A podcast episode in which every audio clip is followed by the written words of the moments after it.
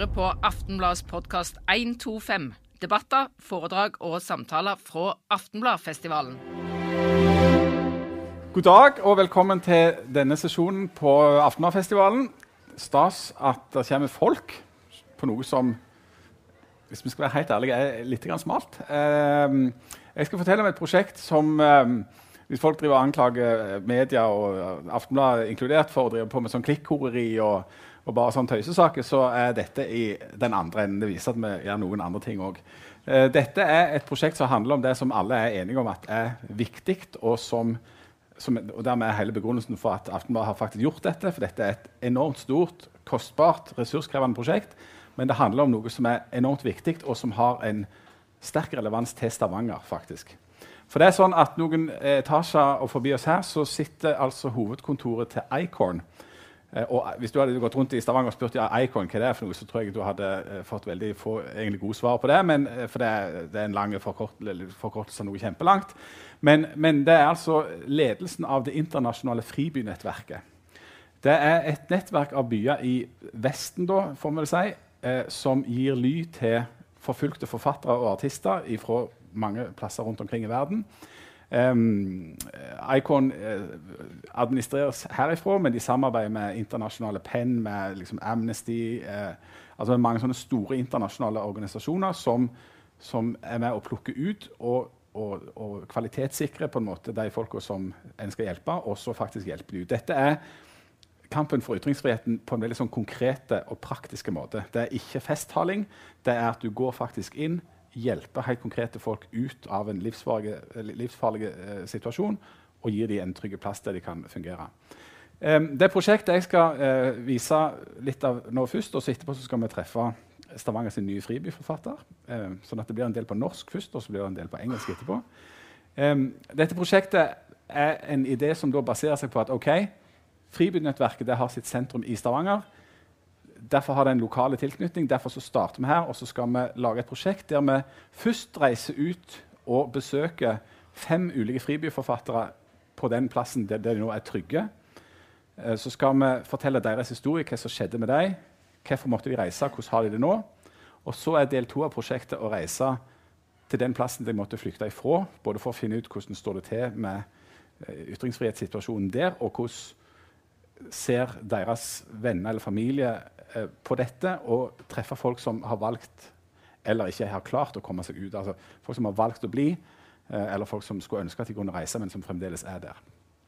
Um, vi, vi, valgte oss fem uh, og, og den, Denne serien har da blitt altså, eh, publisert i, i Aftenbladet som en stor reportasjeserie, men i tillegg så finnes det en podkast som har lagd både radio si, av det, lyd av det og, og, og vanlig sånn reportasjestoff. Jeg tenkte jeg skulle starte med å vise hvem, gjør gjøre dere litt kjent med hvem, hvem dette uh, handler om. Den, den, første vi reiste og besøkte, det er han karen som står der. Dette er en cubaner som heter Orlando Luis Pardolaso. Han, um, skulle, han, var, han er egentlig biokjemiker, eller bioingeniør. Um, og jobbet og skulle bli forsker på Cuba. Cuba er jo kjent for helsevesenet sitt. Um, han var egentlig en veldig sånn streit og lydig type. De eneste demonstrasjonene han deltok på, det var de som regimet påla han å gå på. Så han har òg gått og ropt ned med USA og, og heia Castro på Cuba. Men etter hvert så han jobbet på et sånn forskningsinstitutt, så begynte han å, stille litt sånn kritiske spørsmål og, og, og liksom sa høyt hva han tenkte. Eh, for han tenkte at nå er jeg blant forskere og blant eh, folk som liksom Det må kunne være mulig å diskutere dette litt sånn fritt. Eh, for så var det sånn at Et gjennomgående problem på Cuba er at folk stikker av, de flykter. Og mange forskere. Eh, og det skjedde stadig at mens de var på dette forskningsinstituttet, at eh, forskere var på kongresser i utlandet, og så kom de aldri tilbake igjen. De bare hoppet av. Og Da måtte de ha sånn allmøte der de skulle sitte og snakke drit om disse her, og si at de hadde svikta saken, de hadde svikta revolusjonen. de hadde liksom svikta. Mens han sa ja, men er det noe så farlig? Altså, hvis de ikke vil bo her, kan de ikke heller bare reise? Så en dag, eh, helt ut av det blå, ifølge han, eh, så ble han kalt inn på sjefens kontor. Og så fikk han beskjed om at du har sparken, for du er ikke til å stole på. Og Dermed så raste alle framtidsplanene hans. Han kunne ikke bli forsker, han kunne ikke jobbe i uh, helsevesenet i Cuba fordi han var definert som en som det ikke gikk an å stole på, og som en dissident.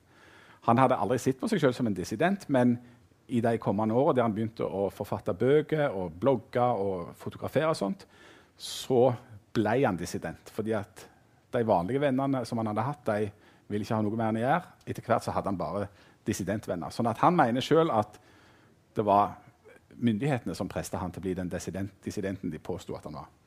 Han eh, hoppet av til USA. Eh, vi møtte han på Island. Da bodde han i Reykjavik. Satt der og skrev, levde et sånn eremittliv. Eh, og nå var han fri. Og han har blitt fri og kom da fra et kommunistisk diktatur. Og det er nok eh, rimelig å si at han har gått ganske ekstremt den andre veien. Så han er en, i dag en varm eh, jeg tror vi skal si republikaner i USA. Han syns, eh, han syns egentlig det er helt OK med Trump, faktisk. Men eh, hvis du starter i en ekstrem, så kan det godt hende du havner i en helt annen ekstrem. Så reiste vi da altså til Cuba, til den øya han reiste ifra. Um, der er det sånn at um, det er ikke lett å være uh, ikke lett å være cubaner, framfor alt. Men um, det er heller ikke sånn uh, kjempeenkelt å komme inn der som journalist. Sånn at vi, når vi reiste dit, så sa vi ikke til myndighetene at vi var journalister. Vi lot som vi var turister. Uh, vi hadde gjort en slags sånn sikkerhetsvurdering om at hvis vi blir tatt, så, kommer, så, blir det trøbbel. Altså, de kommer til å gjøre det ubehagelig for oss, og de kommer mest sannsynlig til å liksom, ta alt utstyret vårt. Men så vurderte vi at okay, det skjer sannsynligvis ikke, sannsynligvis ikke mer enn at de liksom oss, at vi aldri får komme tilbake igjen. Vi liksom blir ikke sittende på Cuba. Eh, men eh, du går litt rundt eh, og skjelver litt i magen når du skal da, møte dissidenter, som, som, det står i alle turistbøker at du, for all del, du må ikke snakke drit om Castro, og du må ikke for all del møte dissidenter. Da er du i trøbbel. På Cuba der, der, der fins det ingen reklameplakater for produkt, men overalt fins det masse reklameplakater for revolusjonen. Og uh, reklameplakater om hvor utrolig bra det går der. At eh, revolusjonen er uovervinnelig, og at dette er et sosialistisk paradis. realiteten er at det er en ruin, og at folk har det knallhardt. det er et tystersamfunn der Naboer tyster på hverandre. Du kan ikke snakke fritt. Hvis du skulle omtale eh, Castro, som på det tidspunktet levde, så sa de ikke navnet hans søkte, jo bare sånn. Da visste alle hvem du snakket om. Skjegget. Um, vi kom der etter at Obama hadde vært på besøk. Det var litt sånn lysning og litt sånn lite grann økonomisk reform, sånn at folk kunne begynne å handle litt sånn Åpne bitte små bedrifter. Men det har jo eh, ikke akkurat gått veldig mye framover etter si. Så, så, dette er fremdeles et land der, eh, der er, eh, de har knapt tilgang på Internett. Det er eh, liksom ingen synlig opposisjon. Det er ikke flere partier å velge mellom. Det er liksom ingen av de der tingene der. Um, men det er et veldig aktivt undergrunnsmiljø av, av kritiske folk allikevel. Så hvis du treffer en cubaner sånn på gata og sier du er liksom, journalist eller uh, utlending, så vil de nok med en gang si de tingene de vet de skal si. men... Uh, hvis du uh, bruker litt tid og kommer litt under huden på dem, så får du en helt annen historie. Den neste plassen vi reiste, det var til Bergen. Der møtte vi Ratan Kumar Samadar, som er en, en blogger for Bangladesh. Jeg må jo tilstå at Bangladesh det er langt vekke. det. Det er et land jeg omtrent ikke kunne noen ting om. i Det hele tatt. Det er, det er liksom halvparten så stort som Norge, eh, men det bor 160 millioner folk der. Så det er liksom noe av det mest tettbygda, eller tettbefolka i hele verden. Um, Bangladesh var i utgangspunktet en, en sekulær stat, men der har det vokst fram altså Det har blitt stadig mer ekstremistisk eh, muslimsk. Det har vokst fram eh, grupper av ekstremister som har satt opp dødslister på bloggere og intellektuelle som, som, som, som de da mener at bryter på en måte med, med islam. Eh, Ratan her han er ateist. Han var den eneste ateisten på skolen sin når han gikk på videregående. Han har blogga om, ja, om, om, religionsfrihet, om at muligheten for å være ateist, for eh, sosiale rettferdighet, for eh, seksuelle frihet, for ytringsfrihet, for myndighetene sin manglende liksom, evne og vilje til å ta tak i, i, i urettferdighet. Og Det førte altså til at han havna på denne dødslista. og de som sto på den dødslista, de begynte å bli drept med machete. stort sett ble de eh, omtrent slakta på gata rundt omkring. Så han, han slutta å komme hjem. Han fortalte ikke kona at han sto på den dødslista. Eh, men han jobbet i en bank og, så, og overnatta mye der. Kom bare hjem av og til i helgene og prøvde å holde seg vekke. Eh, men etter et par år så, og folk begynte å dø rundt han, så sa han ifra hjemme. Uh, det var ikke en populær eller lett beskjed å gi hjemme. Men um, uh, en kompis av han kom på lista til Icorn for å prøve å hjelpe han ut, men mens han sto der, så ble han drept. Og så fikk han plassen istedenfor. Så nå uh, bor han da i, går rundt i regnet i, i Bergen. Um, sitter fremdeles og blogger. Syns det er litt komplisert å forholde seg eller liksom, Nå er han jo fri. Han bor i verdens fredeligste land. Eh, frie og alt det der, Men hvordan blogger du nå om de sosiale problemene i Bangladesh? Det er litt sånn utfordring. Så reiste vi da til Bangladesh. Eh, hovedstaden i Bangladesh heter Dhaka. Det, den må ha den aller verste trafikkorken i hele verden. Eh, vi møtte bror til, til Ratan, som òg blogger. Vi møtte en, eh, en, annen blogger som står på dødslista, så vi måtte reise inn i jungelen eh, og, og, møte på en sånn hemmelig plass. En som må flytte hele tida, for han har blitt angrepet flere ganger. En livredd kar. Eh, forstår ikke at de orker. Eh, og når vi gikk ifra han, så, så, liksom, så sa vi der, kanskje vi møtes en gang. sa vi til han. Ja, kanskje det, sa han. Hvis jeg lever, da. Eh, så liksom Ja, OK, vi får se. Eh, vi møtte òg han. Shahidul Alam heter han. Han er en verdensberømte eh, fotograf. Massevis av norske fotografer har vært i Dhaka og vært på fotokurs hos han, for han, de har noen sånne svære sånne fotokonferanser eh, der nede. Han er en uttalt eh, aktivist og kritiker og, og liksom diskuterer og sånt. Og, vi spurte han ja, er ikke dette farlig for deg. Nei, altså, nå, nå, var det jo 20 år siden han hadde blitt knivstukken, sa han. Og så dro han opp og viste knivsåra. Eh, og så hadde han blitt, måtte bli litt mer forsiktig, så han kunne ikke sykle lenger. og Det var et savn. Han skulle gjerne ha kunnet sykle mer. Men han mente at, at liksom han, det at han var såpass kjent og hadde et navn og hadde på en måte mektige venner, og, og alt dette, gjorde at han var relativt trygg. Så han trodde at dette skulle gå fint. Og Så kommer august nå, for noen få uker siden. Så blir han arrestert. Så i dag sitter Shahidul Alam i fengsel eh, etter å ha deltatt i noen demonstrasjoner. Um, han var ikke trygg allikevel. Det er en verdensomspennende aksjon for å prøve å få han ut. Free Shahidul. Um, som viser at uh, det går iallfall ikke framover i Bangladesh. Og dette fikk en litt sånn ekkel aktualitet på en måte for noen få uker siden.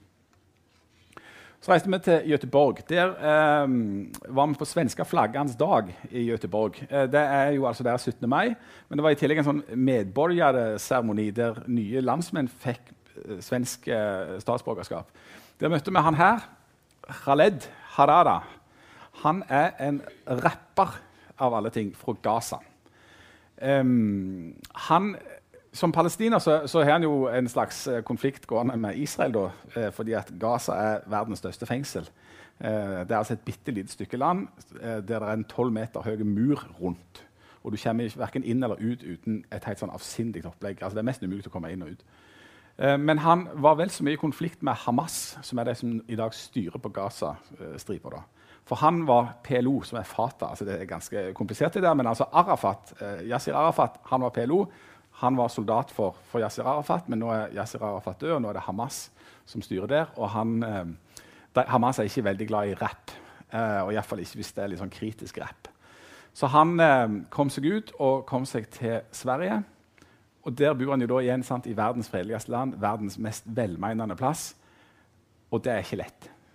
Så han, har, han, han sliter med å klare å liksom forholde seg til å liksom være med på sånn han, han, han, har fått studieplass på universitetet, men holde sånne frister og, og, og lese sånne svære pensum altså, Det er ikke enkelt, det heller. da. Men han, han har gode folk rundt seg og, og er liksom forbilledlig åpen om at eh, det går litt opp og ned, dette her.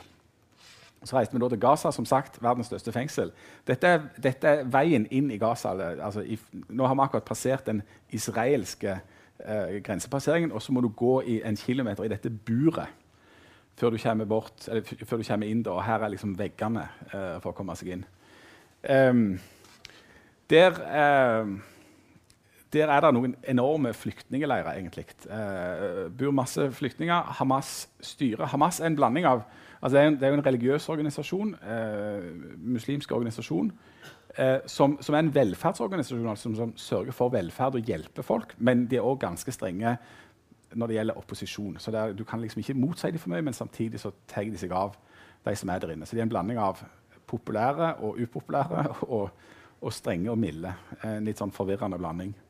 Um, det er veldig få folk som kommer seg inn på Gaza, for dit kommer du ikke inn hvis du ikke har altså, pressevisum eller hjelpeorganisasjonsvisum.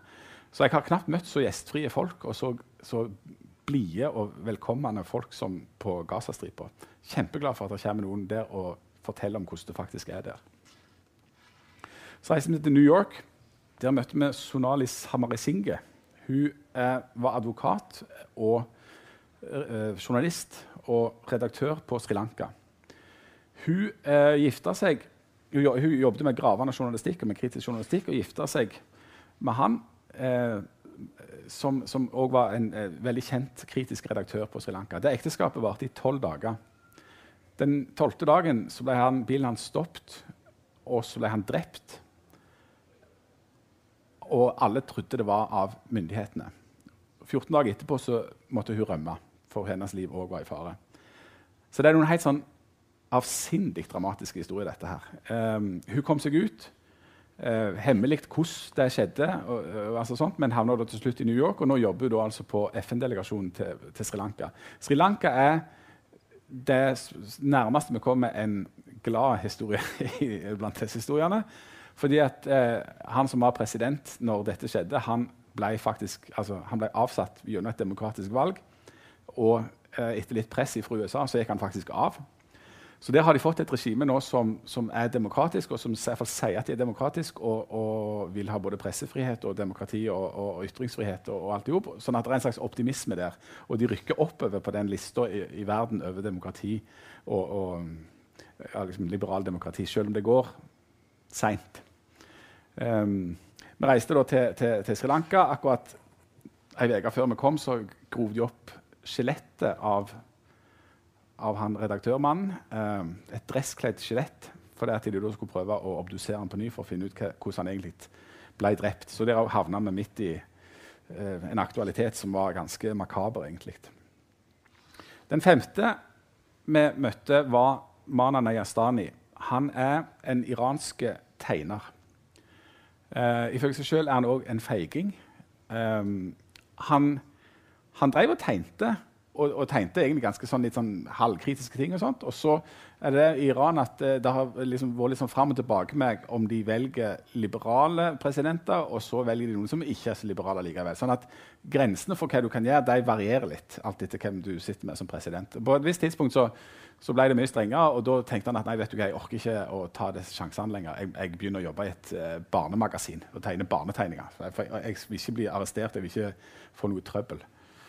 Så han eh, begynte å tegne barnetegninger. En dag så tegnet han en barnetegning av en liten gutt som snakker med en kakerlakk. Eh, altså snakkende dyr. Og den kakerlakken sa et ord som var 'namana', som han trodde var et helt vanlig ord, eh, som betyr 'hæ' på, eh, i hans krets.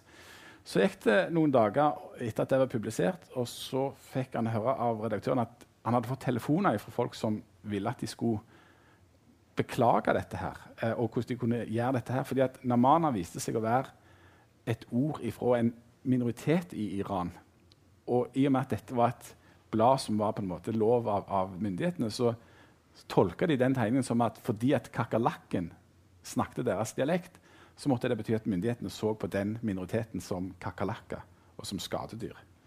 Noe han jo ikke hadde tenkt på i det hele tatt. Det var ikke hans intensjon. Så de beklagte så godt de kunne hjalp ingenting. Plutselig ble det opptøy i disse områdene med den minoriteten. Eh, sikkerhetspolitiet ble satt inn. 19 folk ble drept i de opptøyene, og han ble plutselig anklagt for å ha trua rikets sikkerhet. Så han havna i fengsel, faktisk på cella med en av de som hadde vært ute og demonstrert. Eh, som ikke hadde sett tegningen, men bare hørt at det var en feil tegning. Eh, og havna i en helt sånn Kafka-aktig greie. Altså, virkelig sånn, jeg tror, jeg, Du vet ikke at du har gjort noe galt, og plutselig så sitter du og har liksom hele rettsvesenet etter deg. Liksom, men altså, sorry, det var virkelig ikke meninga. Men, men, for han endte med at han måtte komme seg ut, og etter mye om menn så har han da havna i, i, Paris, der han bor i dag. Um, og han publiserer da altså sine tegninger nå um, på Instagram og på Facebook og på sosiale medier, og er et stort navn fremdeles i Iran og i verden. Så reiste vi til Iran. Um, som var veldig interessant. Eh, Iran, for, reising til Iran har jo fått en slags fornya aktualitet eh, i Norge i det siste. Eh, veldig flott turistland. Eh, vet ikke hva folk sier. Men, men, men altså, det, det, er et fascinerende land. vi holdt oss jo stort sett i, i Teheran, er Og vi møtte jo på en måte folk som kjente uh, Mana, og, og, andre folk som på en måte ja, tenker selvstendig og kritisk. Og, det, og det, Noe av det mest interessante med Iran er forskjellen på det som, liksom foregår, eller det som er ute i gata, og det som er det offisielle, og det som foregår hjemme hos folk, altså bak fasaden. Alle som har sett uh, den franske serien Le Bureau, som der det er mye fra, fra Iran, vil se det at liksom bak fasaden så lever disse folka akkurat sånn som oss. Der, uh, de, de, uh, de, går ikke med sjal, de drikker alkohol, de har sex, de har fester, de tenker fritt. De, alt sånt der, Men når de er ute i virkeligheten, så må de forholde seg til en del strenge regler. Uh, så Her går altså på rulleskøyter, men hun må ha det der sjalet på seg, for hun kan jo altså ikke vise håret. Uh, akkurat det at vi slutter med, med Iran og Teheran, da passer det fint å introdusere Ali Dorani, som forhåpentligvis uh, sitter her nå. Now it's your turn. You, now you can come up. Because this is where we switch to English. And, and um, did you get any of that last? Yes, yeah, he, I understood a little. Yes. He's been here for like six months, but, but he understands some Norwegian already, which is quite impressive. So Ali, he's from Tehran. Iran, yeah. You notice this? Yes, yes. Recognize this place. Um, and um, you're also a cartoonist, actually, as it turns out. Yeah, I am a running. I'm a cartoonist, but my situation was so different. Yes. Because uh, I wasn't in problem when I was back home in Iran. No. I was in problem in another country, in a Western country. Yes. And your name is Ali Dorani, but, but the, the signature that people around the world in the cartoonist environment will know you by is Eaten Fish. Can you tell us why you chose this name for your character and for that as your signature? Uh, Fish uh, means fish bones. The fish, little fish character I always draw in my cartoons. Uh, it was a signature that I had when I was a child, five or six years old, and uh, when I was living in Australia in in jail, I I was asked from a Guardian uh, journalist that I need to have a an international like uh, artistic name, mm-hmm. And they asked me if I can make one, and then I was like, okay, I have the signature, so I have to make something out of the signature, and um, because I went to Australia by boat uh, in the ocean, so it means like uh, like a fishy going to Australia, and I got caught by Australian government, like uh, fishing, mm-hmm. and then I was processed, like eaten and thrown away in another country in exile. Yes. So you came from you, you, you left Iran, you tried to get Australia, and Australia is like a liberal democracy. It, it's mm-hmm. like rated very like high when it comes to like freedom and being a nice place. Um, but your experiences with Australian authorities is not that nice, is it? No. No. And here we see eaten fish in a kind of um, slightly inspired by Norway. But you, did you know about Munch and did you know about? I knew about Munch and I knew about The Scream, but I didn't know that Munch is Norwegian. No. So this was so random. Yeah. But you ended up in because if, if you go as a refugee trying to get into Australia, Australia has kind of a strict uh, immigration Very policy, strict, you might say. Yeah. And they've developed this system where they don't let you actually inside Australia, but they have these islands where they have detention centers. Can you tell us about what life is like inside a detention center in Papua New, New Guinea called yeah. Manus Island? heavily. The country I was exiled in, it was called Papua New Guinea, which is short, shorter name is PNG. I usually say PNG. Yeah. And uh, this country is north of Australia, and since 2013, which it was the timing that I entered Australia, uh, Australia changed the refugees policy against, uh, like, uh, to protect their national security. And uh, what happened was when I entered Australia in 19 uh, July 2013, they uh, arrested me. They actually told me that I am under Australia's protection now, but then after a couple of months or a couple of yeah, a couple of months, they came up with this that I have I cannot enter Australia anymore and I have to go to Papua New Guinea. Uh, in uh, one, not even in in uh, mainland, in an island. So uh, far in Pacific Ocean, in Mm. one of the detention centers there.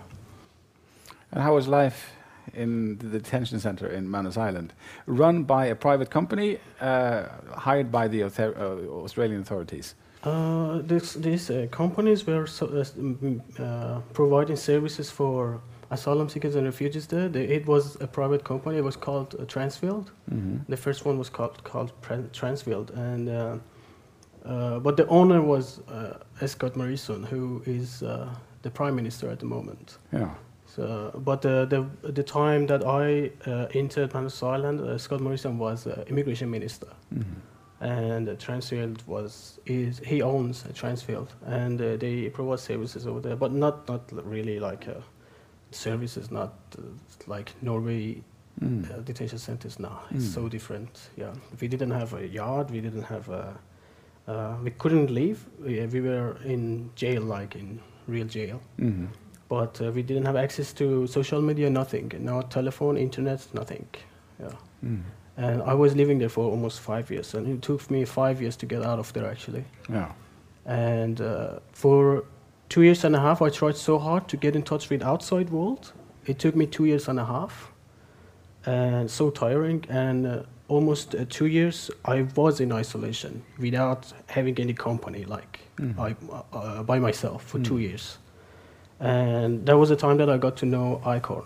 Mm. Yeah, I had a phone. Uh, they smuggled in uh, without Australia's authority permission. Yeah, Yeah. and Yeah, because this is not a place where, where you have a pencil and paper and computers and, and the ability to work if you work Mhm. as a cartoonist.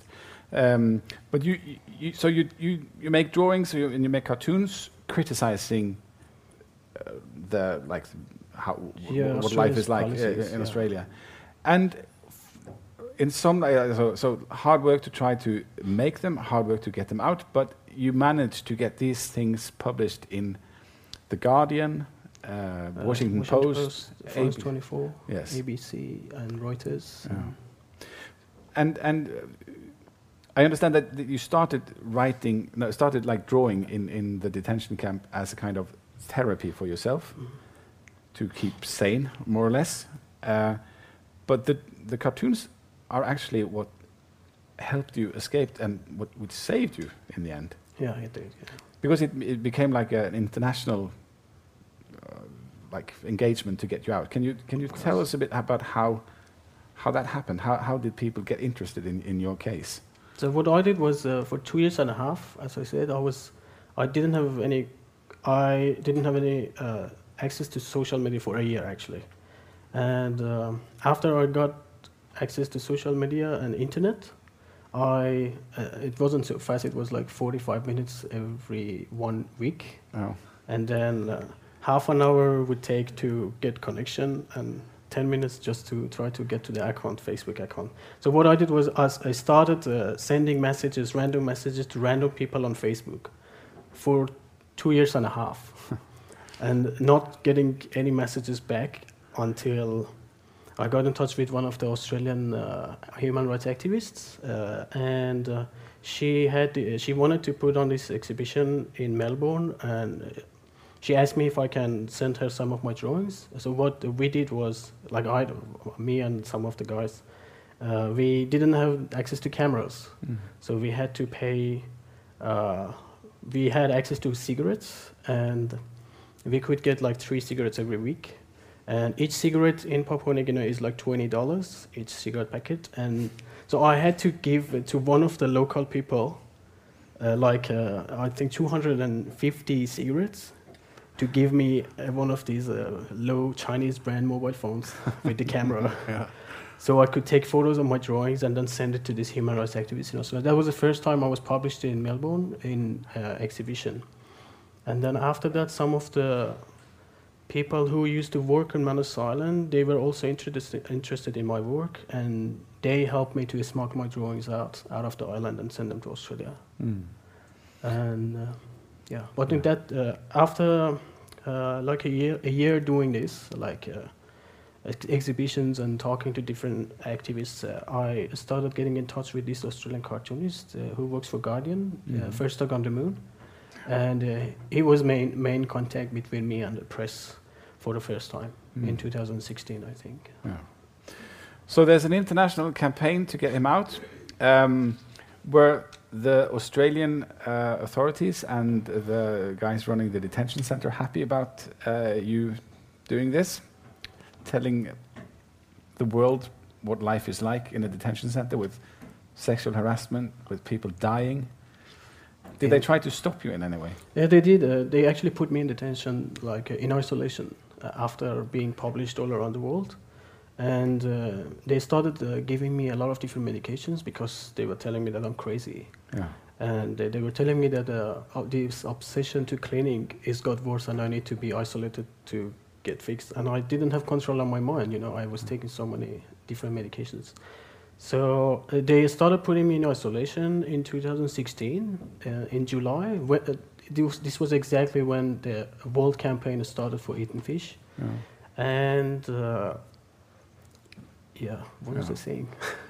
Um, Yeah, Yeah. and uh, uh, Australian officers and soldiers, the people who were working there, most of them, they didn't like me because of what I was doing, talking about their government and their country against against them. Mm. And some of them, uh, they started annoying me. They beat me up actually uh, many times. And uh, one time, I had a complaint about sexual harassment, and then they called the police, uh, local police, uh, to come and beat me up. Uh, and for no reason. And they like four or five different officers, like big, and uh, they started beating me up. And I was like, uh, I wasn't doing anything. I was just trying to complain about uh, my problem. yeah.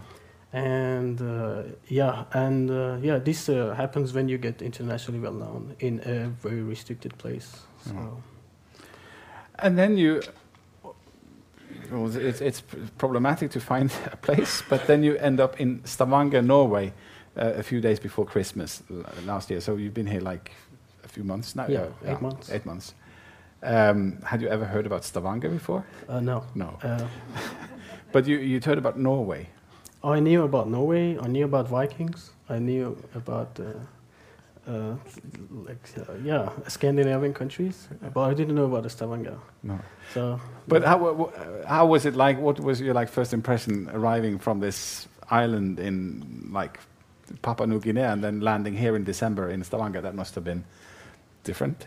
yeah, well, well, five years without freedom Five years without Yeah. freedom. Yeah. and not having good food and not having uh, uh, healthy body, healthy uh, mind. Uh, so the first time I heard about Stavanger was uh, from Icorn because Yeah. they told me I'm gonna be moved to Stavanger soon, and uh, I searched online about what Stavanger is, and I, I found a lot of beautiful photos, but it was taken in summer, and uh, it was very beautiful and very green.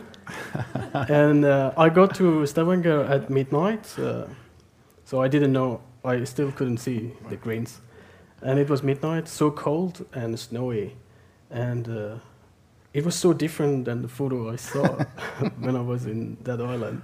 But uh, a lot of people started telling me that this is summer and uh, we have uh, most of the day is night and yeah. Uh, but I was feeling so safe. The first thing I did when I arrived in Stavanger was uh, the same first night at 2 a.m. I went out and I didn't need security with me. I didn't need. Uh, I was I wasn't feeling afraid of someone to come and kill me with a knife or Yeah. like harm me.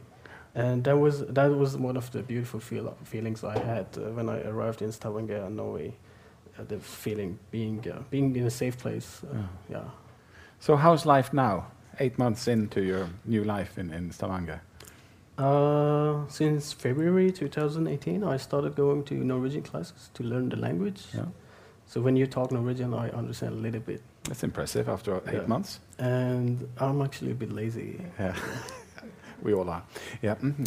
but uh, I am also getting in touch with different artists and talking to different people and getting to know.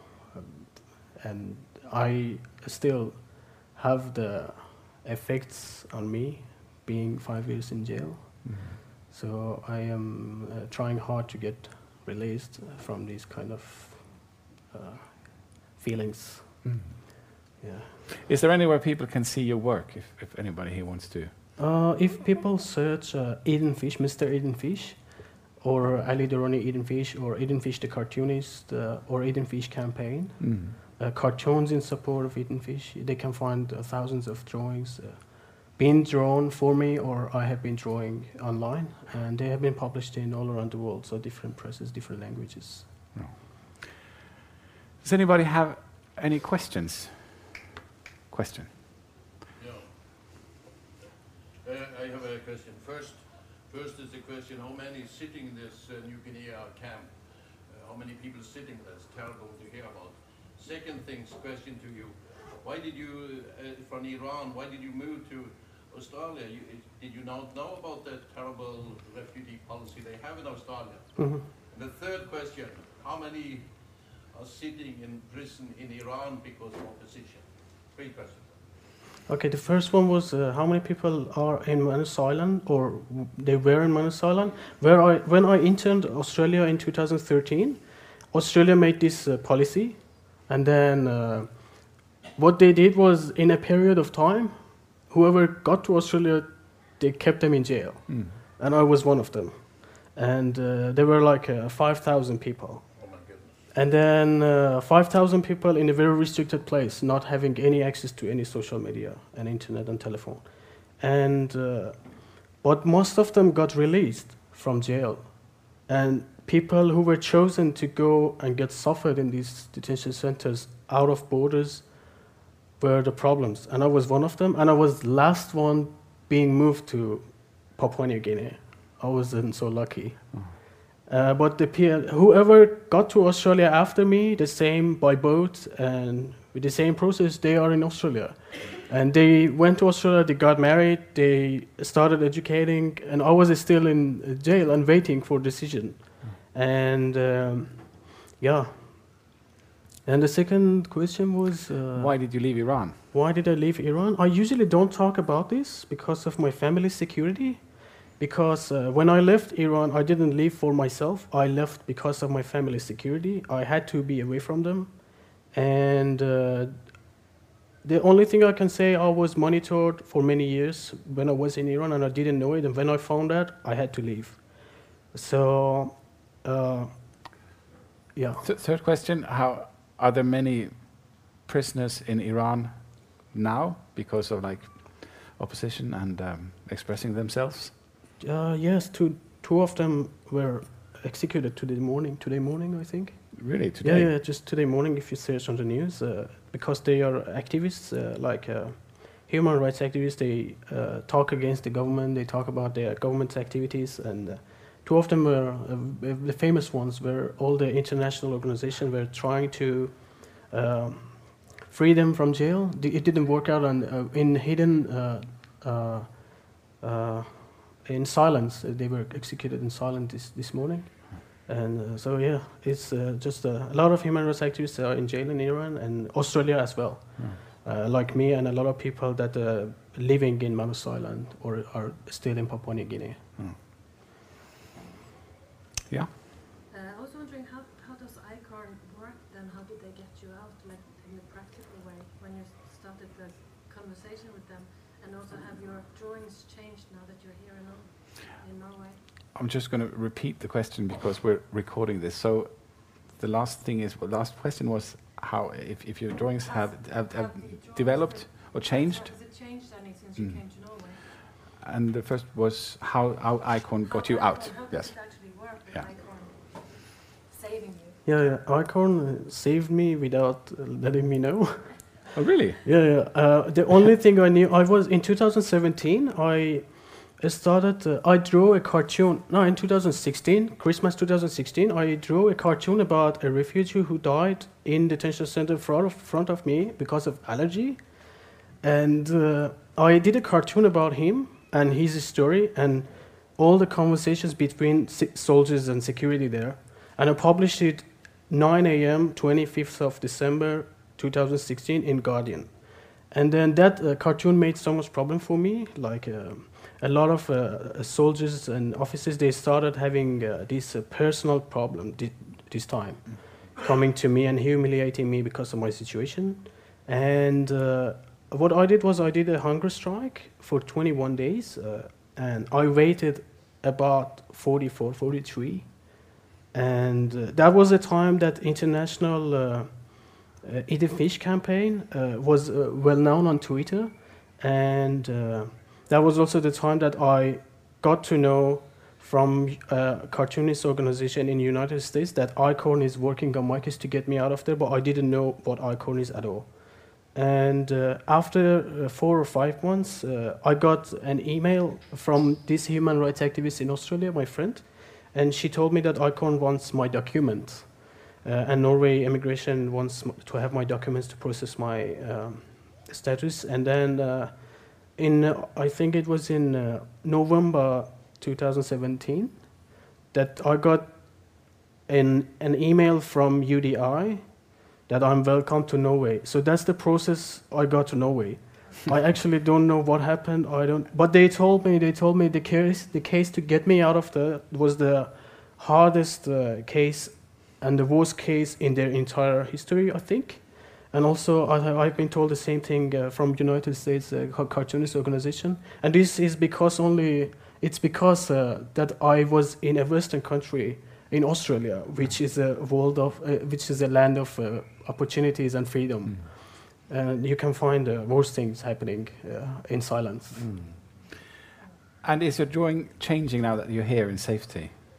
Yes, they changed a lot uh, because uh, uh, Norway is so peaceful, and it's not fair to criticize Norway now because of what I, I have been like. I've been seeing Iran, I've been seeing uh, uh, Australia and Papua New Guinea and uh, Norway. So it's not fair to start uh, criticizing Norway for now. But uh, I am uh, trying so hard to find uh, different subjects to just, um, to start my career, and uh, uh, yeah, I, I might. Uh, I am actually doing a lot of things about cold weather in here. So yeah. Uh, the last thing I did was an animation, 50 second, 15 seconds of animation. Me, uh, I, I said uh, coming soon in Stavanger, uh, which was uh, snowy, and I was waiting for the bus in the bus stop. And uh, that's the big problem with living in a, the most peaceful and quiet country in the world. What is there to? I find something to criticize, but um, you know this bompenger. Uh, you could. Uh, yeah. Okay, um, so you can see his work online. If you want to check out more about the, the Stemmer, you, you have the pictures of from the project, the, photo exhibition hanging here and just outside Møteplassen. And you can listen to the podcast or you can check out the um, articles on the net. Thank you, Ali, for coming. No. Thank you for coming. Um, denne festivalen er ikke slutt. Nå burde jeg sånn eh, profesjonelt sett huske hva det er som er neste post her på Møteplassen. Det må jeg tilstå at jeg aner ikke, men eh, det ble veldig bra. Takk for at dere kom.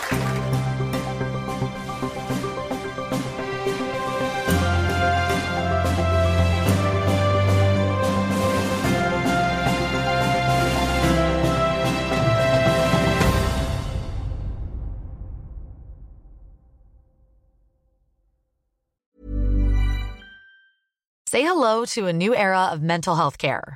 Cerebral is here to help you achieve your mental wellness goals with professional therapy and medication management support. 100% online. You'll experience the all new Cerebral Way, an innovative approach to mental wellness designed around you. You'll get a personalized treatment plan from a therapist, prescriber, or both in a safe and judgment free space.